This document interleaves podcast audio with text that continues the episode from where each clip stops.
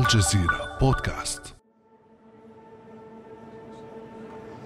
داخل قاعة مؤتمرات صغيرة دخل رجل بدت عليه علامات التقدم في السن. سحب كرسيا وجلس بهدوء. مستقبلا جمهورا بدا مهتما بما سيقوله. عدل الرجل نظارته ليتمكن من قراءة ما كتبه في ورقته بوضوح. ثم بدأ بالحديث. بالنسبة للشيخوخة قمنا بمحادثات شاملة مبنية على التقرير الملخص الذي نتج عن جلسات الوزراء والحكام. واتفقنا على أن التغيرات الديمغرافية وبالتحديد الشيخوخة تطرح تحديات وتفتح فرصا أمام أعضاء مجموعة العشرين وبحاجة إلى تطبيق سياسات مالية ونقدية وهيكلية.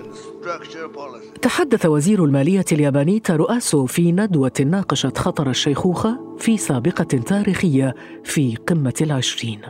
على أعتاب عام 2020 أصدرت مجلة The Economist تقريراً أعلنت فيه أن العام الجديد سيشهد لأول مرة في التاريخ ازدياد عدد سكان الأرض الذين تفوق أعمارهم الثلاثين عاماً عمن هم دون الثلاثين أي أن كبار السن في الكوكب مستقبلاً وهم الأكثرية فيما يدعى بانقلاب الهرم السكاني. كيف سينعكس ذلك على العالم واقتصاده؟ وما هو الهرم السكاني المقلوب؟ وهل الكوكب على موعد مع الشيخوخة؟ بعد أمس من الجزيرة بودكاست أنا خديجة بن جنة.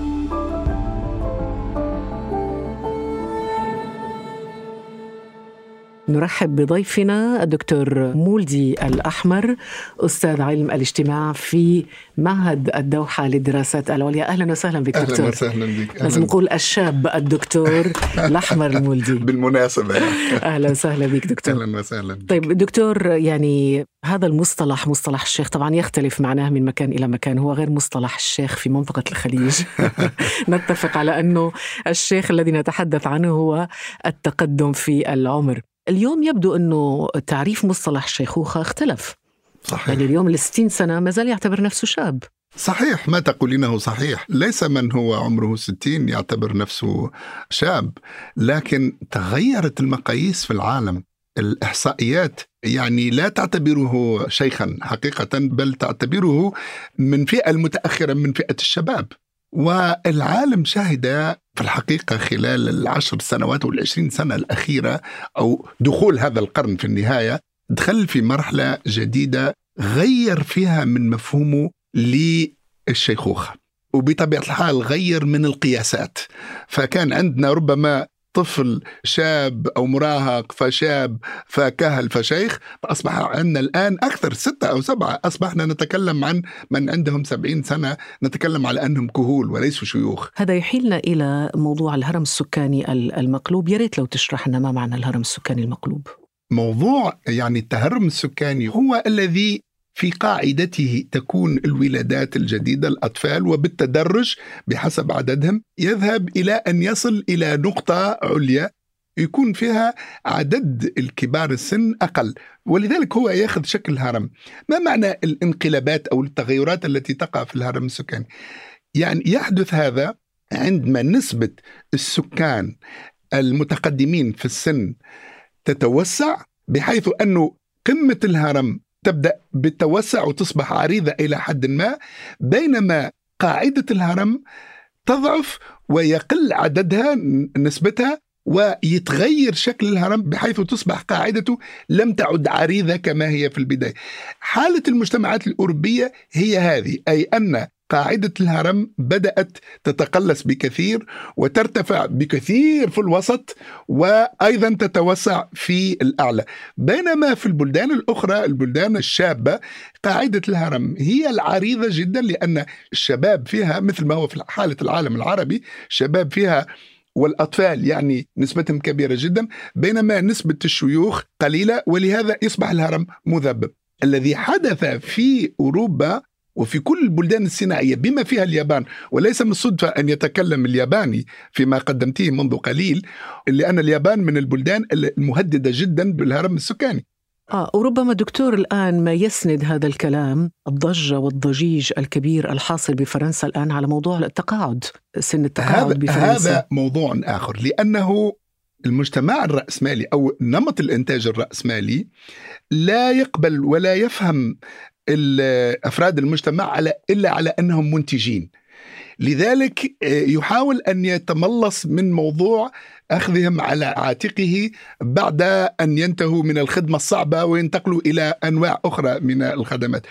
فهذا الموضوع طرح بشكل كبير في أوروبا لأن الشركات الخاصة تريد أن تتخلص من ذلك وتفكر في أن الدولة هي التي عليها أن تقوم بذلك ولكن ليس هذا مثل مجتمعاتنا، المجتمعات هذه مجتمعات رأسمالية اقتصادها قائم على شركات خاصة.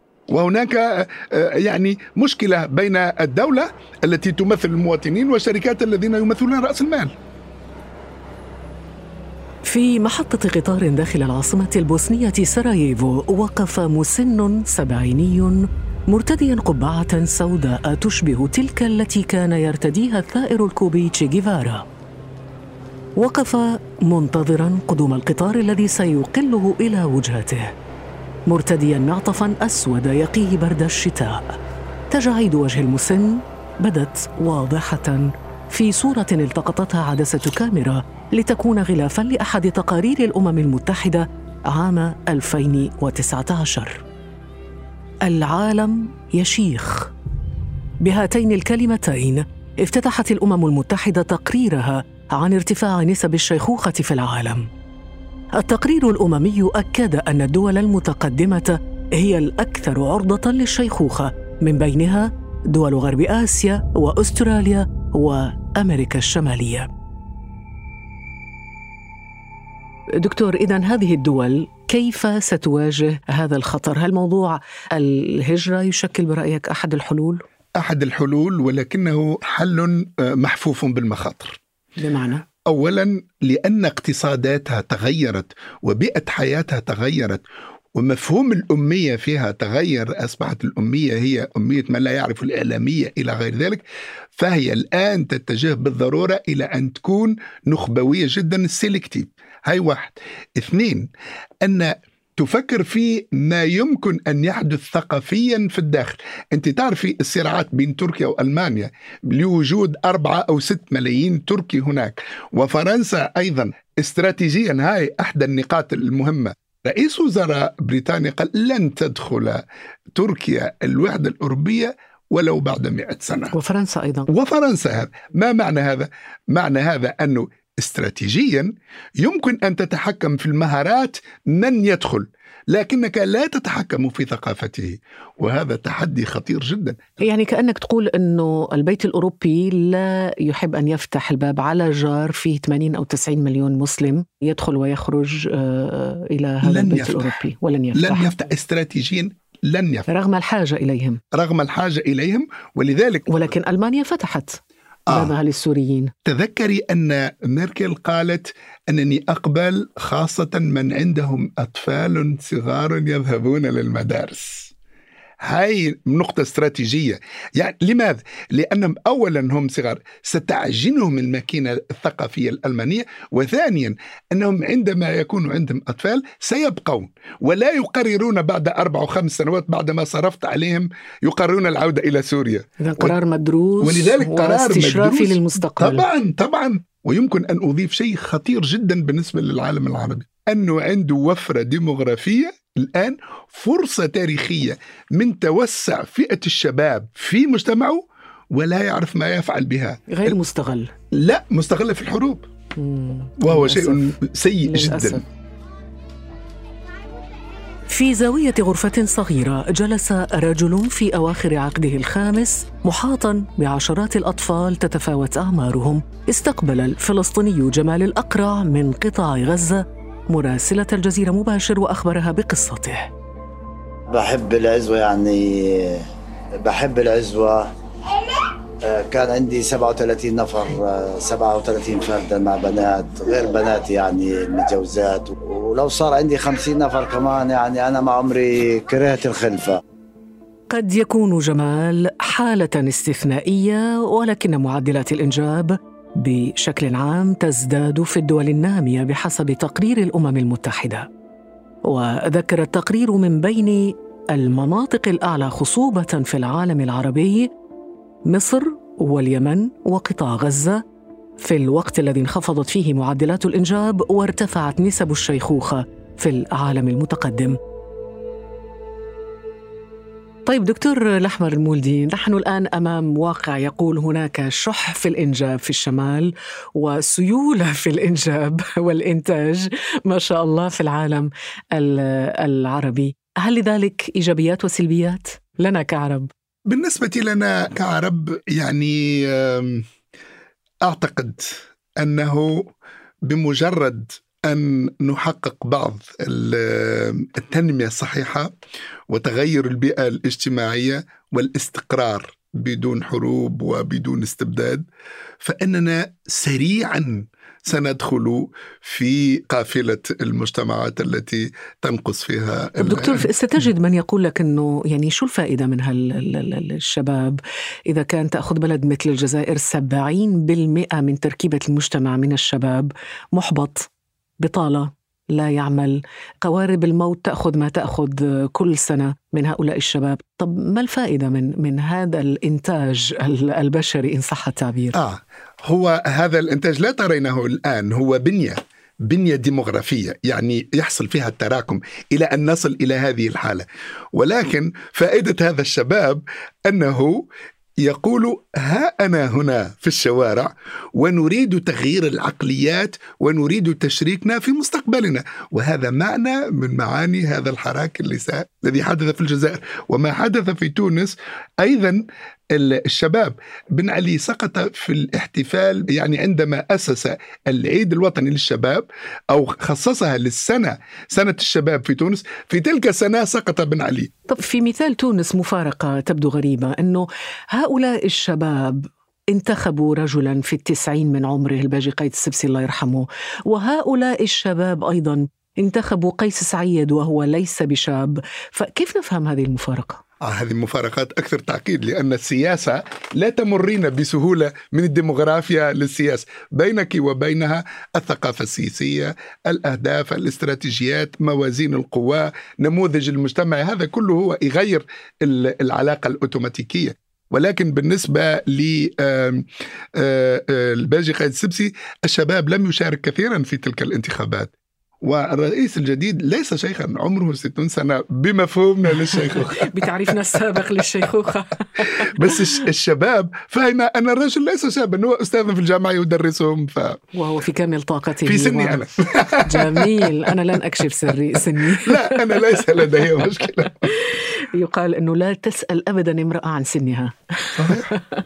طيب دكتور بين انخفاض آه، معدلات الخصوبة في أوروبا ودول الشمال اجمالا وبين ارتفاع معدلات الخصوبة في العالم العربي أو في المنطقة العربية كيف تبدو لك الجهود جهود مواجهة خطر الشيخوخه اولا ساعة في مجتمعات لا تعتبر انه هناك خطورة وهناك شيء يتحسب له لأنها تعمل على الإنجاب سياستها إنجابية. حتى في الجزائر عندكم لهذا السبب. يعني لما اختارت تونس في الستينات أن تقوم بما يسمى بتحديد النسل اعتقادا منها بأنه في علاقة أوتوماتيكية بين تحديد النسل والنمو الاقتصادي. الجزائر اختارت اتجاه آخر بسبب كبر حجم البلد والثروات والإيديولوجية النخبة السياسية. الآن أصبح في تونس نحن خلال عشرين سنة نصبح مثل البلدان الأوروبية. سيبدأ بدأ الآن التهرم. الآن الهرم السكاني عندنا فيه تغير كبير. عندنا مدارس ابتدائية تغلق في تونس الآن لأنها لم تعد تجد أطفال. يعني مثل ما يحدث كان يحدث ذلك في الستينات في البلدان الأوروبية. لكن في بلدان أخرى ما عندهاش هذه المشكلة. مصر عندها هذه المشكلة لكنها لا تريد مواجهتها ب خلينا نقول بثقافة تحديد النسل. وهذه السياسة ربما ليست ناجعة مئة بالمئة. عندك مثال الصين مثلا الذي اعتمد سياسة تحديد النسل أو الحد من النسل بشكل قاسي جدا, جدا. وحتى لا إنسانية يعني. شكرا دكتور الأحمر المولدي أستاذ علم الاجتماع بمعهد الدوحة للدراسات العليا. الآن اكتشفنا أنه فعلا إحنا لسه شباب بعد كل هالتعريفات اللي سمعناها منك. شكرا جزيلا لك. شكرا لك. لكل مجتمع خصوصيته فبعض الشعوب العربية ترى في الإنجاب عزوة وسندا بينما ترى الدول المتقدمة الطفل مسؤولية وقد يتأخر إنجابه من قبل الزوجين لما بعد سن الثلاثين. أما الأمم المتحدة فترى أن زيادة معدلات الخصوبة أو حرية التنقل بين الدول النامية والمتقدمة سواء بالهجرة أو بغيرها قد يكون حلاً لإعادة التوازن للمعمورة. واليوم بعد أعوام بل عقود من التعامل مع معدلات الخصوبة والتضخم السكاني في دول العالم الثالث كمعضلة هل تتحول هذه المعضلة اليوم؟ إلى حل للمشكلة التي تواجه الدول المتقدمة؟ كان هذا بعد أمس